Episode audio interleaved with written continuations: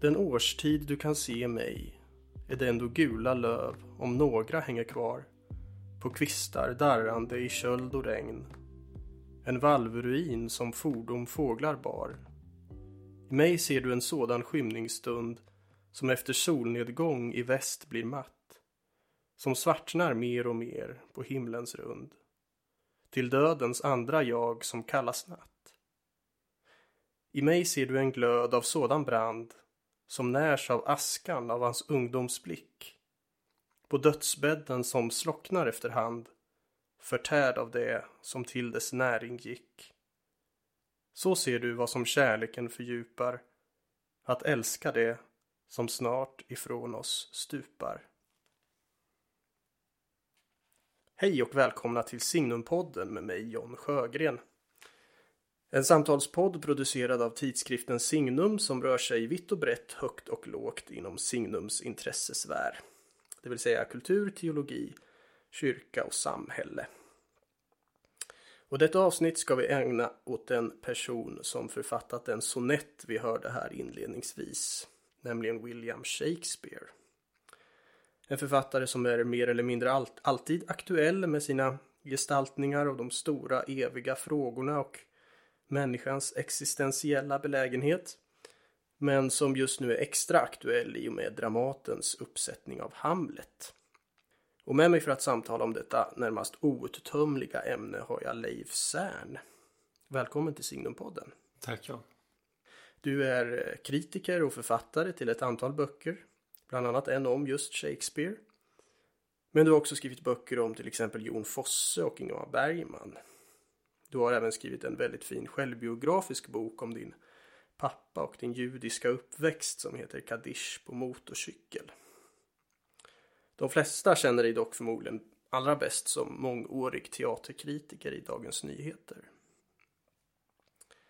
Innan vi går in mer specifikt på de teman hos Shakespeare som jag tänkte att vi ska utforska här idag så vill jag bara fråga dig lite allmänt om ditt förhållande till Shakespeare. Du har ju skrivit teaterkritik sedan slutet av 60-talet och måste ha sett otaliga Shakespeare-uppsättningar.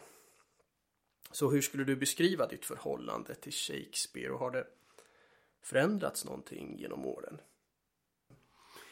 Ja, det, det är starkt skulle jag säga. Jag tycker nog att Shakespeare är det intressantaste som jag har sysslat med under den tid jag har skrivit teaterkritik och i övrigt sett på teater. Jag har ju återvänt till honom eh, flera gånger och, och eh, har svårt att släppa honom.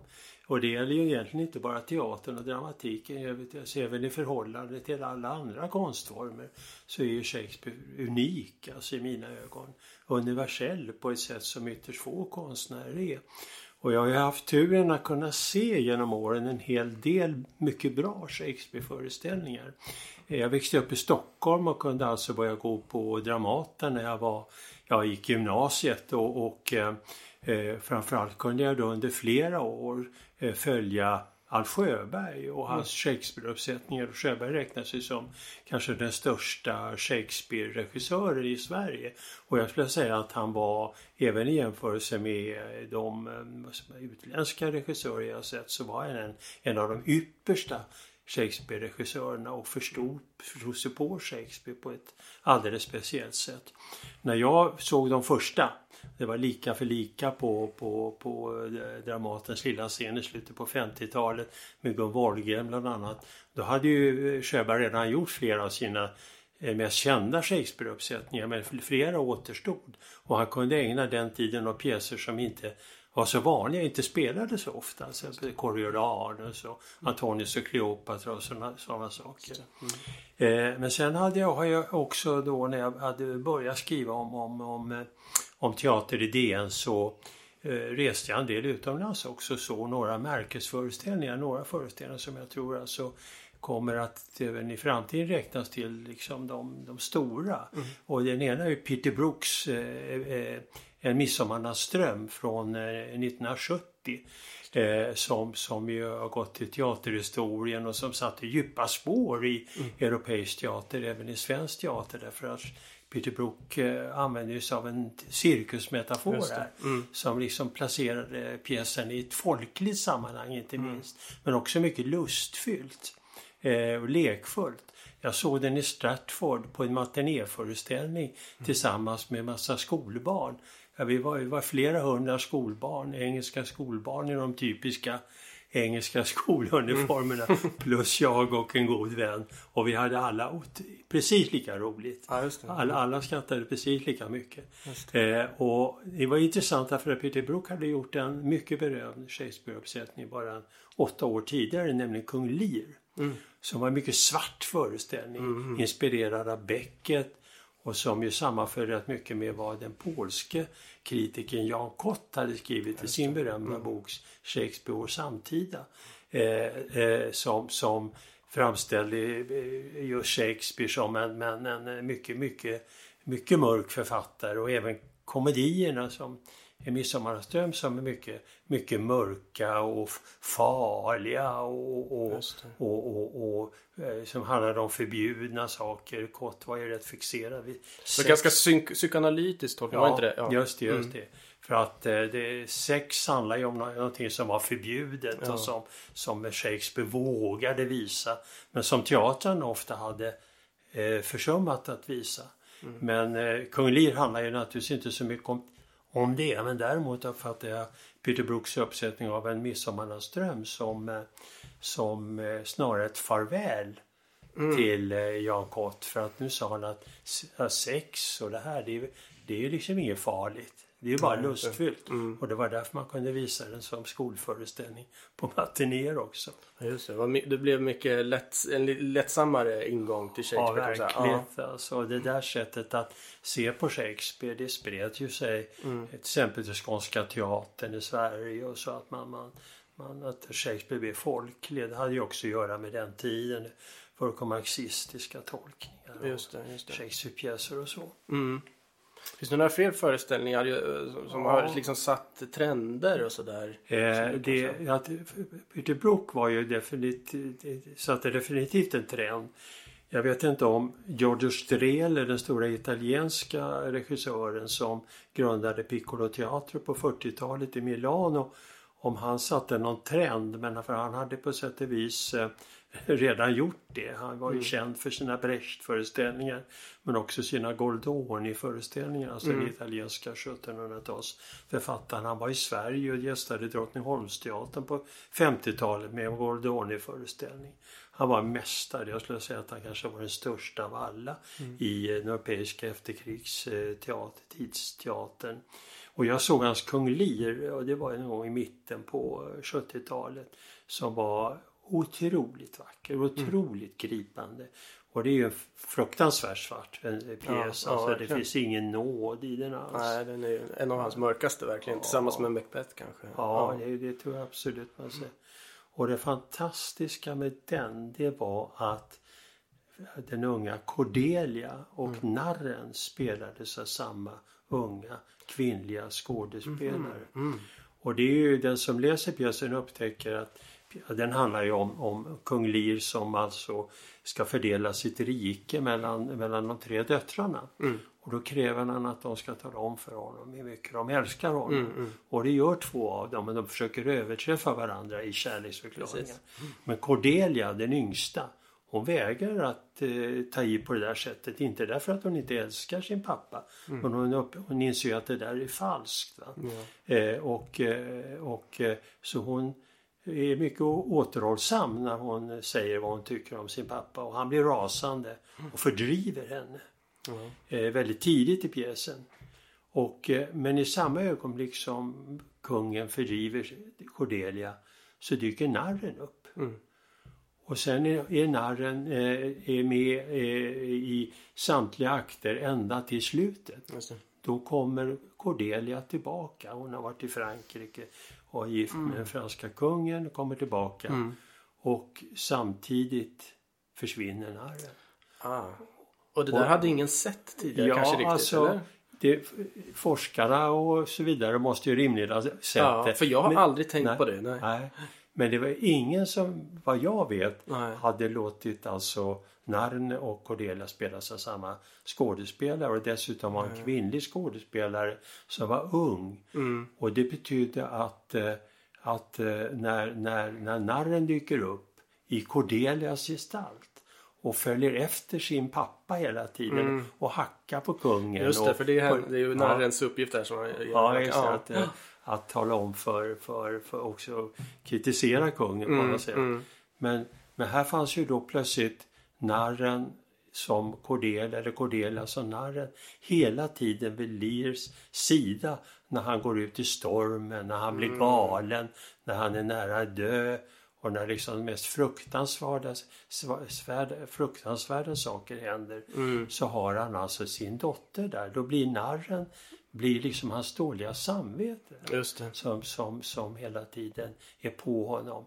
Man kan Ja. säga att hon blir hans, narren är hans inre röst. Just det, det är väldigt smart tolkning. Ja, ja det, det, det blir otroligt vackert och Ja. tänkvärt. Ja. Och visar på något sätt vad, vad som döljer sig hos Shakespeare som ingen annan riktigt har sett. En Nej, lysande tolkning som i det här fallet kan plötsligt eh, ja, tillföra en dimension som, Mm. som ingen har tänkt riktigt på tidigare. Det. Det, var- det var en höjdpunkt. Ja. Du har ytterligare en tror jag va, som du... Ja. Som mycket också de här existentiella och lite religiösa frågorna som vi ska fokusera lite på idag också. Eh, ja, det, jag vet inte. Jag, en som jag fäste mig väldigt mycket vid var, var en eh, se- mycket senare utav en, också en betydande regissör som heter Christoph Martal. Mm, som, det. det var 13-årsafton, alltså åter en ko, Mm. komedi som han gjorde på ett ganska anarkistiskt och nästan surrealistiskt sätt. Han är, han är, han är, han är ofta så, Martal. Mm. Och eh, som visade snarare tycker jag hur, eh, hur, eh, hur det här, den typ av hopp som finns eller i, i, i flera av, av Shakespeares komedier, nämligen att människor som är skilda åt Mm. ska kunna återförenas Ja, på nytt. det. Det är liksom Det är stå, särskilt i komedierna är det så ständigt. Ja, Mm. verkligen. Och, och i de sena, de här eh, sagopjäserna, Mm, eller mm. romances som de säger i England. Eh, där, där det blev liksom en, eh, från en mer absurd utgångspunkt, eller absurdistisk utgångspunkt, blev väldigt levande på, på ett eh, lite mirakelartat sätt. Mm. Alla de här uppsättningarna visar ju på hur olika man kan spela Shakespeare Mm. och, och eh, det är kanske självklart men, men eh, inte desto mindre att Ja. det är liksom Ja, men hur rika slut. pjäserna är också. Att hur rika pjäserna är. Att det, Ja, att det går att göra så mycket olika saker utav dem. Det, är- det är out, outtömligt på något sätt. Ja, verkligen. Ja, jätteintressant att höra. Ehm, jag inledde ju här då med att läsa eh, sonett 73. Den här som då handlar om förgängelsen och eh, jag kan säga att det är ett slags vemodig betraktelse över tiden. Men det är också en, en den, skildrar, den texten skildrar en värld som på något sätt håller på att rasa samman, alltså, eller tyna bort. Med den här väldigt fina bilden då den här övergivna valvruinen som finns där i, i, i sonetten. Och jag tänkte att det är lite mot den bakgrunden som jag tänkte att vi ska utgå lite ifrån i, vårt samtal här idag. Och du beskriver ju väldigt bra i din bok om Shakespeare eh, hur hans gestalter i, i stor utsträckning Alltså att det handlar väldigt mycket om att den kris som uppstår när verkligheten rasar samman. Och att den här verklighetsupplösningen har att göra med att Shakespeares gestalter lever i tomrummet mellan två epoker. Och det där tänker jag att det, det ligger väldigt mycket i. För om man sätter in Shakespeare då i ett slags idéhistorisk eh, kontext så kan man ju se att han verkligen lever mellan två epoker. Han skriver sina pjäser då i det här elisabetanska England, alltså skarven mellan 1500 och 1600-tal där. En tid då den integrerade katolska enhetskulturen som präglat det medeltida Europa håller på att rasa samman. Och jag tänker, man kan fråga sig då om den här enhetskulturens upplösning som kommer i och med reformationen. Är det någonting som Shakespeare sörjer eller är det någonting som han välkomnar? Och därom råder det delade meningar kan man säga. Eh, en del forskare har ju nu på senare år i alla fall menat då rent av att Shakespeare till skillnad från vad man i allmänhet har tänkt sig att Shakespeare faktiskt var katolik. Eh, det finns vissa biografiska fakta som pekar åt det hållet. Eh, det var väl så att eh, Shakespeares mamma var katolik om jag förstått saken rätt. Och man vet att även hans pappa hade eh, nära relationer med, med framstående jesuiter. Och jag tror också att det lär vara så att Shakespeares dotter förblev katolik fram till dess hon gifte sig i alla fall. Eh, men de här biografiska fakta är ju alltid lite flytande. Man vet inte riktigt. Man ska nog inte dra för stora slutsatser utifrån dem. Men man menar också att det finns vissa spår i vissa av pjäserna som pekar eller antyder hans katolska tro. Eller i alla fall vissa katolska sympatier och så då. Och ett exempel är just Hamlet. Eh, då man menar att det inte är någon, något sammanträffande att det är i Wittenberg som, som Hamlet ska åka och studera i. Då. Det var ju Luthers stad, alltså reformationens huvudstad. Och att det inte heller är något sammanträffande att faderns vålnad eh, säger sig befinna sig i skärselden. Alltså en föreställning som hade ju förklarats som en irrlära av, av reformatörerna. Och vålnaden säger ju också att, det är, att han måste gå igen för att han inte fått bikta sina synder. Han har inte fått ta emot sakramenten innan han dog. Det är det som gör att han måste spendera den här tiden i skärselden och, och tvingas gå igen och så. Och det finns flera andra sådana här katolska element som man har, ser i olika av pjäserna. Då. Eh, vad, vad, vad, tänker du om det här? Alltså kanske inte så mycket om Shakespeare var katolik eller inte. Jag mm. tror inte att man varken utifrån de biografiska fakta man har eller utifrån pjäserna egentligen kan säga någonting säkert om det. Men kanske mer den här idéhistoriska kontexten när man ska säga att är det fruktbart att läsa honom utifrån den bakgrunden tycker du? Det här att han befinner sig med någon slags två epoker, efterskalvet av en enhetskultur som har rasat ihop. Mm. Jag tror det är helt avgörande egentligen. Alltså jag, jag tänker mig ofta att Shakespeare fick en unik frihet också genom att det var eh, han levde i ett mellanrum mellan två så att säga. Jag menar Molière levde till exempel mycket mer i en, en kultur som var monolitisk där man var tvungen liksom att ta ställning till någonting till makten på ett sätt. Va? Men det var mycket svårare förmodligen under den elisabetanska eran att veta vad makten var därför att det pågick fortfarande även om, även om England var eh, eh protestantiskt då enligt liksom, ja, enligt vad parlamentet där alla var överens om att det var och att gudstjänstordningen var, var, var eh, protestantisk så levde ju liksom katolska föreställningar, naturligtvis också seder och, och, och, och, och, och traditioner kvar på ett sätt som, som, som eh, gjorde att det blev, var lätt kanske förflytta sig mellan det ena och det andra och gömma mm. sig i det ena och andra. Kanske inte fysiskt, vilket också skedde, men också mm. mentalt. Mm, mm, eh, och att det också gav Shakespeare en frihet att använda sig av olika bilder och element. Du nämnde ju exempel Hamlet här va, med mm. skärselden. Det visar ju att Shakespeare hade en, han tänkte på någonting som också hörde till den katolska föreställningsvärlden. Alltså. Mm. Och samtidigt så, så, så finns det annat i den som, som, som tyder, kan tyda på motsatserna. Ja. Men just det där man kan, att Shakespeare kunde röra sig mm. mellan det ena och det andra. Och det, det, det tror jag bidrar till att vi idag fortfarande kan hålla på att tolka honom så mycket. Ja, det är svårt att föreställa oss eh, vad det är för någonting. En sak som jag har funderat på, jag menar som du var inne på så är det de, de flesta forskare idag tycks ju vara överens om att man kan inte säga om Shakespeare var eh, katolik eller protestant Nej. eller så. Mm. Men, men, eh, och han kanske inte så här, visste det själv riktigt. Nej.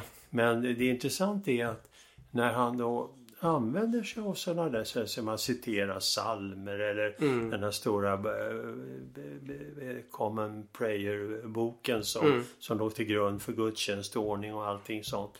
När han, när han hämtar citat därifrån va?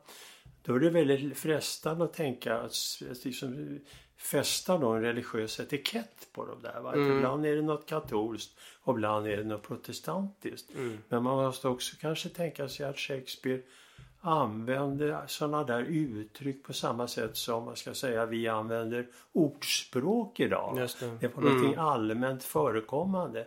Och det behöver inte betyda att han ville säga något bestämt med det. Det kan Nej. ingå också i någon sorts realistisk strävan. Mm. Alltså här var människor på den tiden. Så här uttryckte de sig och då måste de göra det i hans pjäser också. Mm.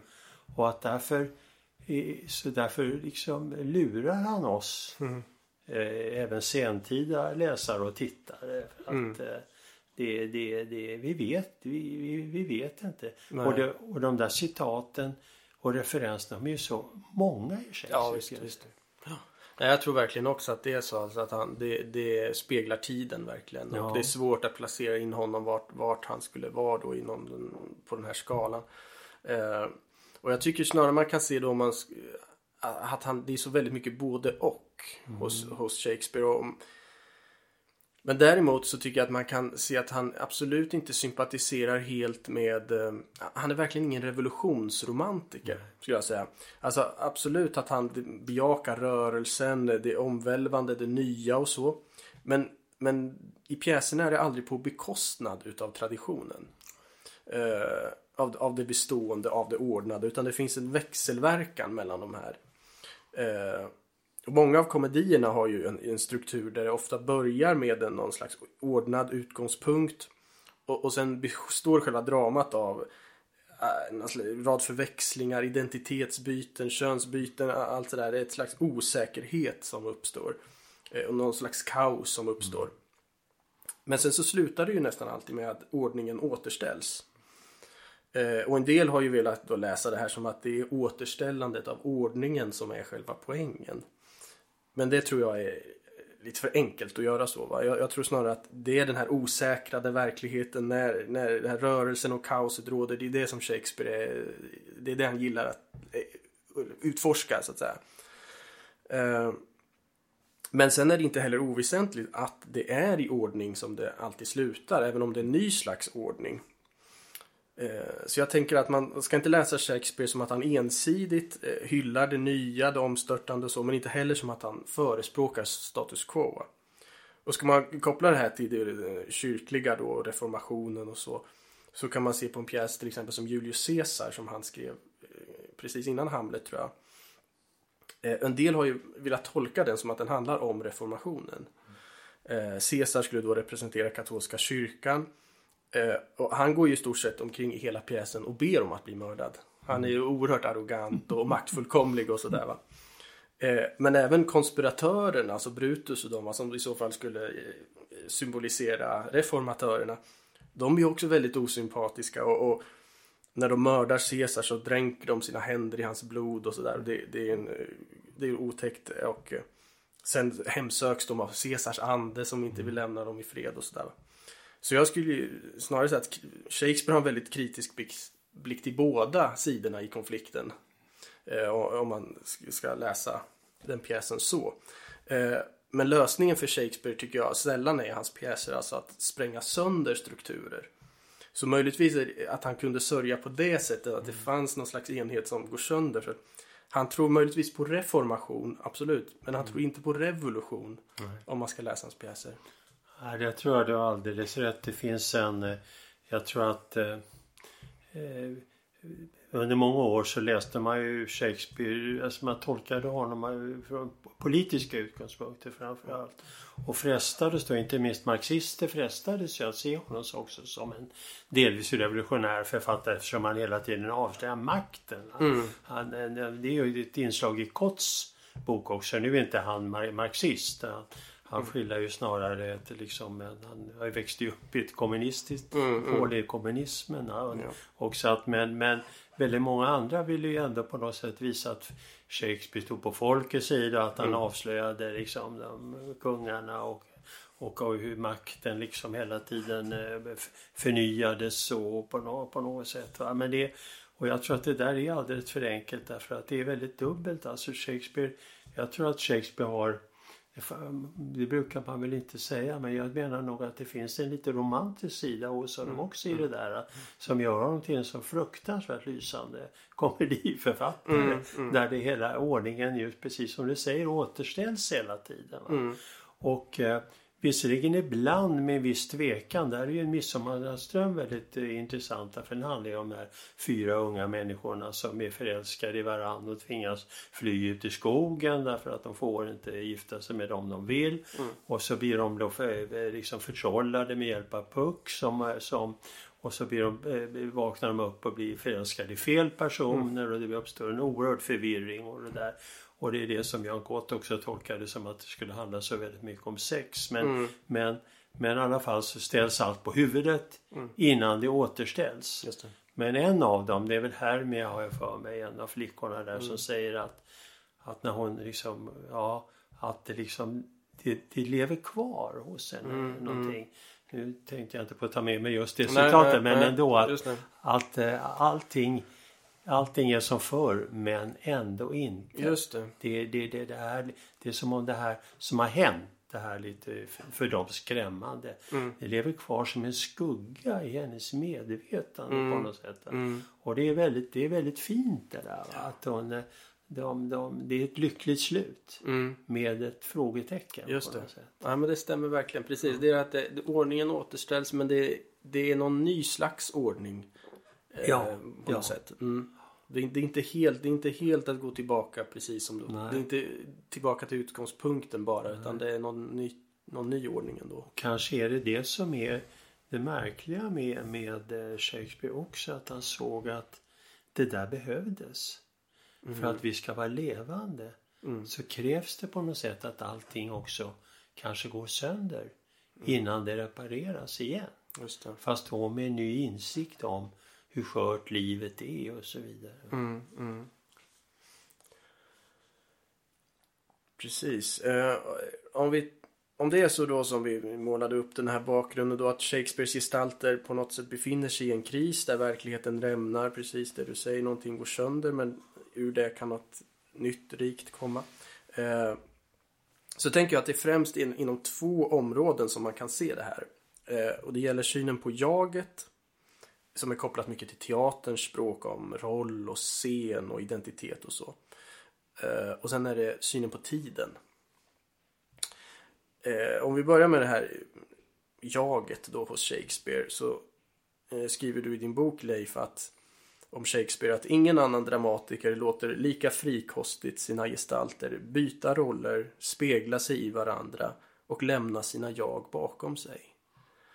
Eh, vill du utveckla lite det där? Alltså vad, mm. vad spelar eh, jaget för roll hos och, just de här maskerna och rollerna? Mm.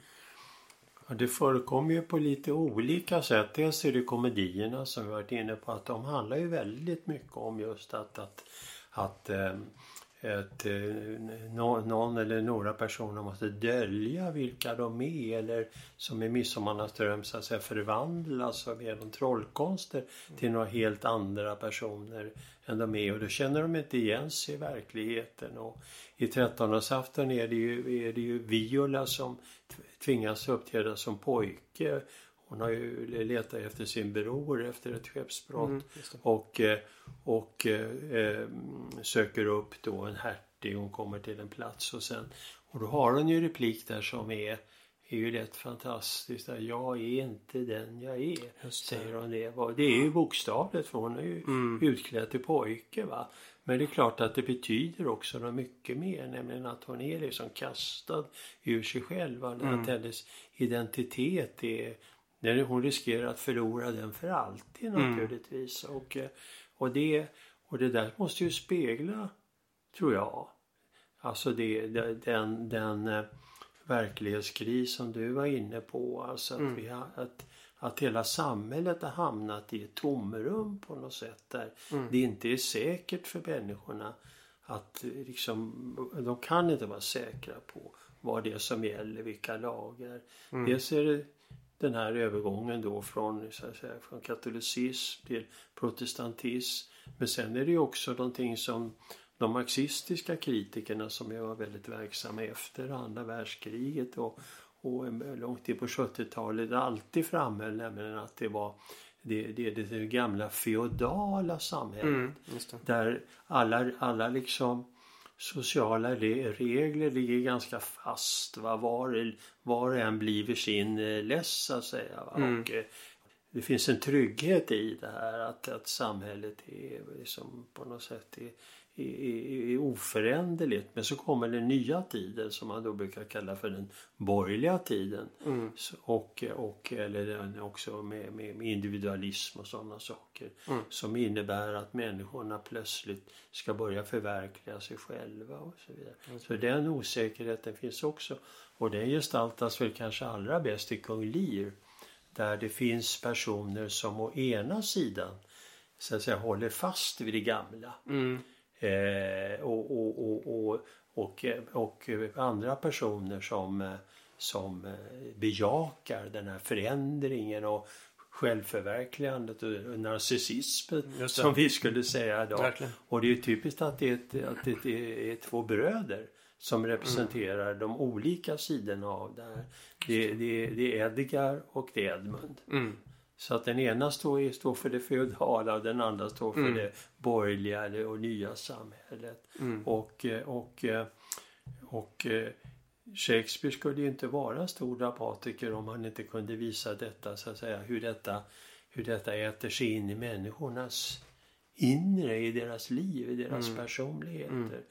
Och att i, i, i Kung Lear får det ju fruktansvärt tragiska konsekvenser. Det är en, en pjäs om, om galenskap och eh, stormar och, Mm. och, och, eh, hela liksom det är ju världens undergång nästan Ja, som verkligen. man bevittnar där. Mm. Ja, precis. Och det, får, det, är, det är också väldigt djupt existentiellt, tänker jag det här. De, frågan om roller, vem är jag? Alltså den här Mm. repliken då, jag är inte mig själv. Som ju faktiskt finns i flera olika varianter vet jag. Jaha, I flera olika pjäser. Den finns också riktad till någon. Alltså du är inte dig själv. Ja. Så att den där, jag tror att det är, jag läste någonstans att det är tre pjäser där det finns den där repliken. Eller kommer igen flera ställen. Jag tror till och med att den onde jag säger detta. Just det, det stämmer. Vilket är liksom ju märkligt att både den förtjusande Mm. Viola och den hemska jag och Ja. kan säga ex- exakt samma sak. Precis, och det där tycker jag finns verkligen äh, i flera pjäser att den här känslan av att jag spelar en roll eller jag är inte riktigt mig själv. eh, att det både kan vara en positiv eh, erfarenhet och en negativ erfarenhet. Att det är en slags paradox som Shakespeare gestaltar tycker jag ofta. Att man blir sig själv genom, genom rollen.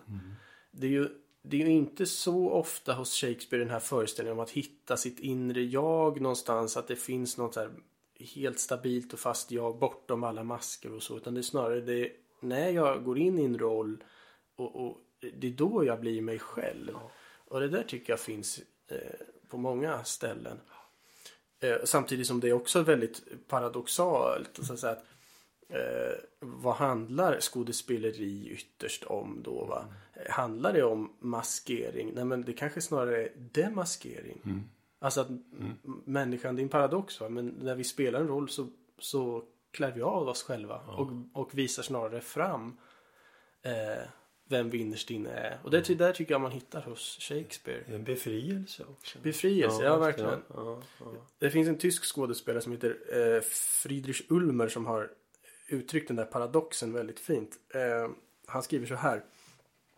Dramatisk kreativitet innebär att vara sann till kropp och själ.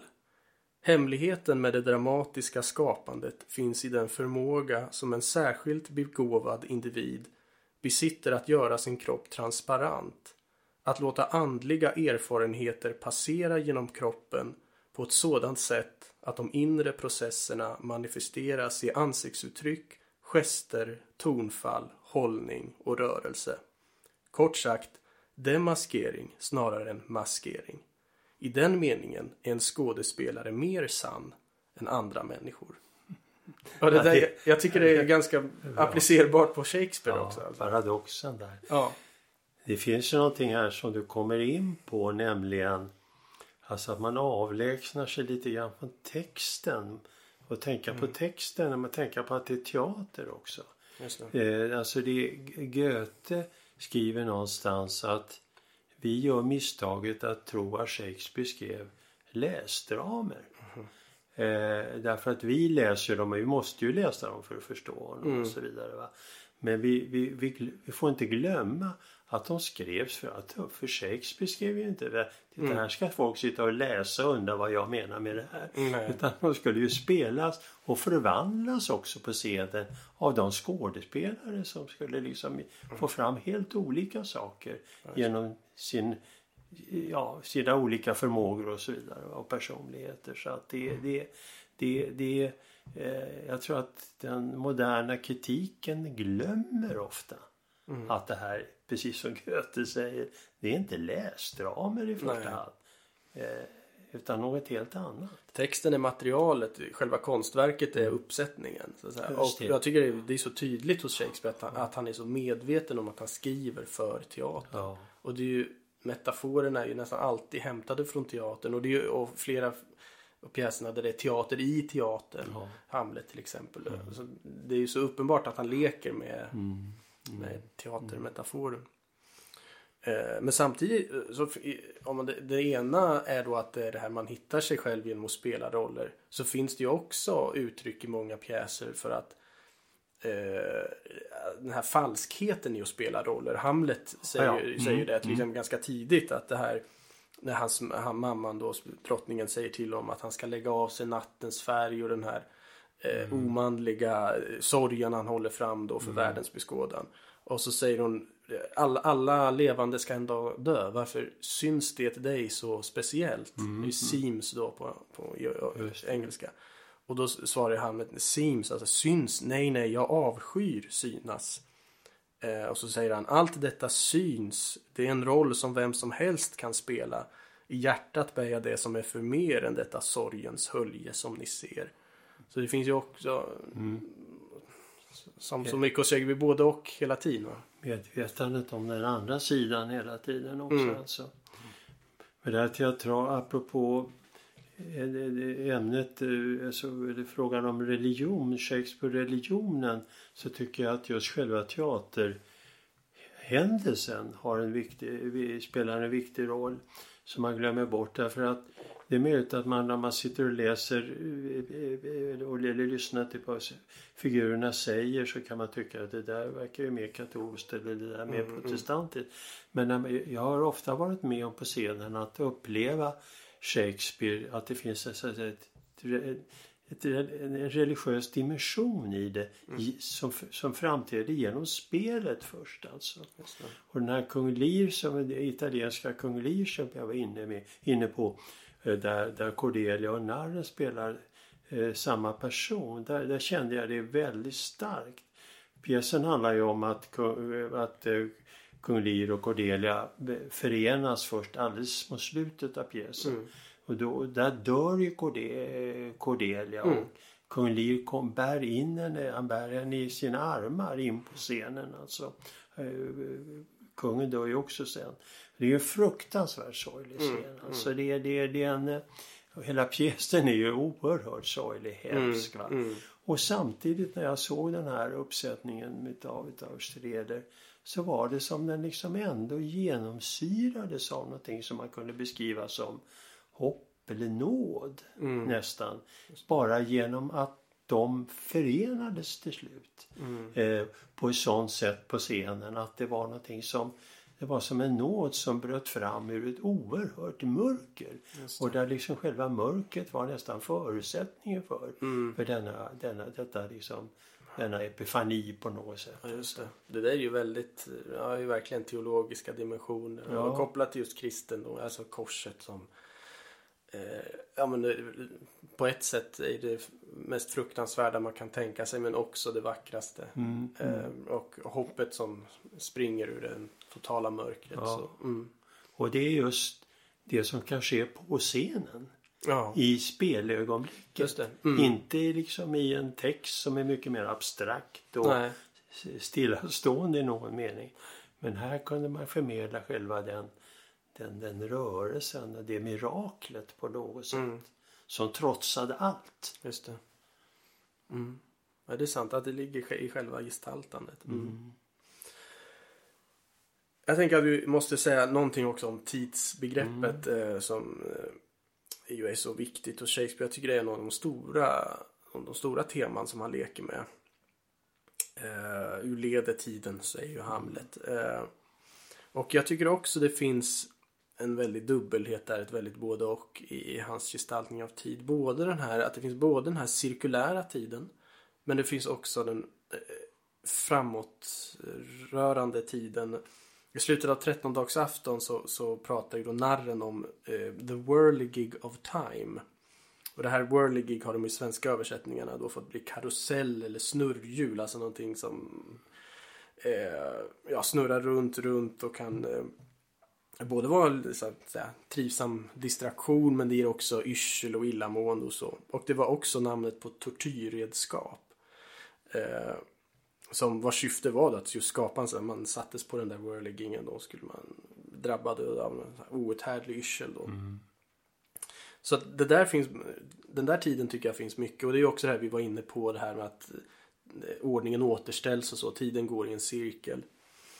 Eh, men det finns ju också hos, hos Hamlet eh, till exempel och i Macbeth inte minst Eh, den här att tiden rör sig mot ett väldigt bestämt slutmål mm. och, och, som ju är döden då va.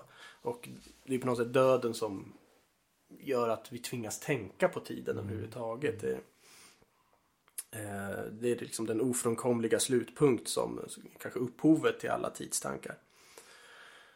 Eh, och, tjej, och, och, Hamlet tänker på det här då på ett nästan överdrivet och morbid intensitet och sådär.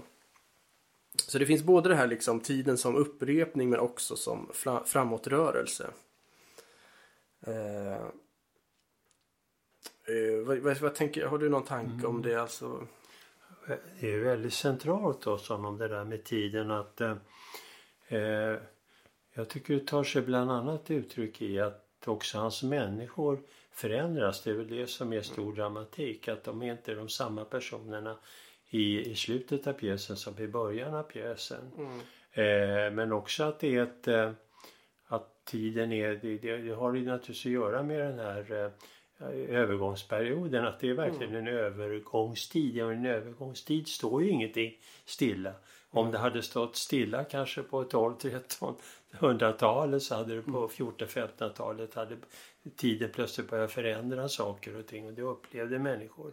Men Shakespeare skildrar aldrig människor som bara är på ett visst sätt. Nej. Som ju många regissörer gör ju misstaget att försöka de bara psykologiserar till exempel. Mm. Vi måste bestämma oss för vem Hamlet är. Är han en intellektuell eller är han, ja, mm. vet, mm. är han ett barn eller är han medelålders? Mm. Någonting sånt där. Så sätta på honom glasögon eller inte. och, eh, och, eh, och i själva verket så är, tror jag att Shakespeare är totalt ointresserad av det där. Han är intresserad av någonting som, som, som någonting så att säga som också ofta i tragedin att det är något mycket skrämmande. Och det bästa, det bästa exemplet på det tror jag är Macbeth. Alltså. Mm, mm. För Macbeth han är ju en mördare. Men han är ju inte en mördare från början. Han är ju i och för sig en krigare. Mm. Han är ju bara en av flera många andra men han liksom är eh, hög rank och han har utmärkt sig i ett slag och så blir han då plötsligt får han liksom smak på makten. Men han har ju inte det från början. Mm. Utan bara genom omständigheterna och eh, så, så och det som händer i, i, i, i där i, hans omgivning så ser han att han skulle kunna bli något annat. Han skulle mm. kunna skaffa sig makt. Men han, det, det är också hans fru, fru Macbeth som liksom mm. eldar på honom också. Så att då kan han ta ytterligare ett steg. Mm. Så att han förändras ännu mer. Va? Alltså. Och sen finns det en avgörande scen i Macbeth som jag tycker är så fascinerande. Det är en monolog där han plötsligt ser en dolk mm. sväva i luften framför sig. Och då tänker han ungefär, ja men titta där är ju en dolk. Mm. Ja men då kan jag ju gripa tag i den. Mm. Och kan jag gripa tag i den då kan jag ju också använda den. Mm. Så han liksom tar, vi är med när han steg för steg för, förvandlas till en mördare. Och, eh, och, eh, och eh, man, man kan, det är nästan så hemskt skildra så man kan tycka att Macbeth är nästan oskyldig själv på något sätt. Han, han, blir ju det här. Det är liksom det, mm. det är mm. något obevekligt som händer. Va? Och det, har, mm, och det är kopplat till tiden väldigt Ja, mycket. ja. För vi måste ju ta upp då den här klassiska repliken som han har då också. Som är på något sätt pjäsens kärna, den här berömda. va? När Mm. han tar emot budet om att ha- Lady Macbeth är död. Eh, Och då säger nu de här imorgon och imorgon och imorgon. Så kryper det så sakta dag från dag till sista stavelsen av livets bok. Och varje gårdag har lyst fram en narr till dunkel grav. Och det är just tiden alltså. Och, och, och här finns ju ett fenomen som är så intressant som det finns en eh, Shakespeare-forskare som heter Matthew D. Wagner som talar om temporal thickness hos Shakespeare. Alltså någon slags tidsmässig täthet. Eh, att det innebär att förflutet, nutid och framtid lagras så tätt i pjäserna så att de blir liksom, de här tidsdimensionerna blir närvarande i varandra. I någon slags förtätat nu då. Och det ser man ju precis i, här i den här enkla, enkla repliken är det ju inte en fantastisk replik. Men där har vi imorgon, eh, framtiden, eh, dag, nuet, eh, gårdag, förfluten tid. I bara några meningar så är det liksom är tiden komprimerad. Och det är så oerhört skickligt gjort alltså. Ja, fantastiskt alltså. Det, ja, det är intressant det där med att tiden, allting förtätas. Allting plötsligt finns samtidigt och ändå inte samtidigt. Det är, det, det är just de där paradoxerna hela tiden som gör att det också rör på sig eh, hos, hos Shakespeare. Alltså det, det, det, och det finns ju, det knyter ju också an till den sonett du Ja, läste inledningsvis här med tiden. Mm. Tiden spelar ju ofta en viktig roll i sonetterna. Mm. Ja, verkligen. Och han kopplar ju det till också just till teatern. Eh, Liksom till, till teatermetaforen. Alltså, och det jag tänker också än en gång att han är så medveten att, om att han skriver för Ja. det mediet så att säga. Ja, jag, jag, för vad är liksom teatern som konstform? Det är ju den konstform som liksom till sin natur förhöjer just tiden till ett förtätat nu. Teatern är ju verkligen nuets Ja, konstform. Det är ju det som skänker det dess unika karaktär. Jag tänker att han är så medveten om det.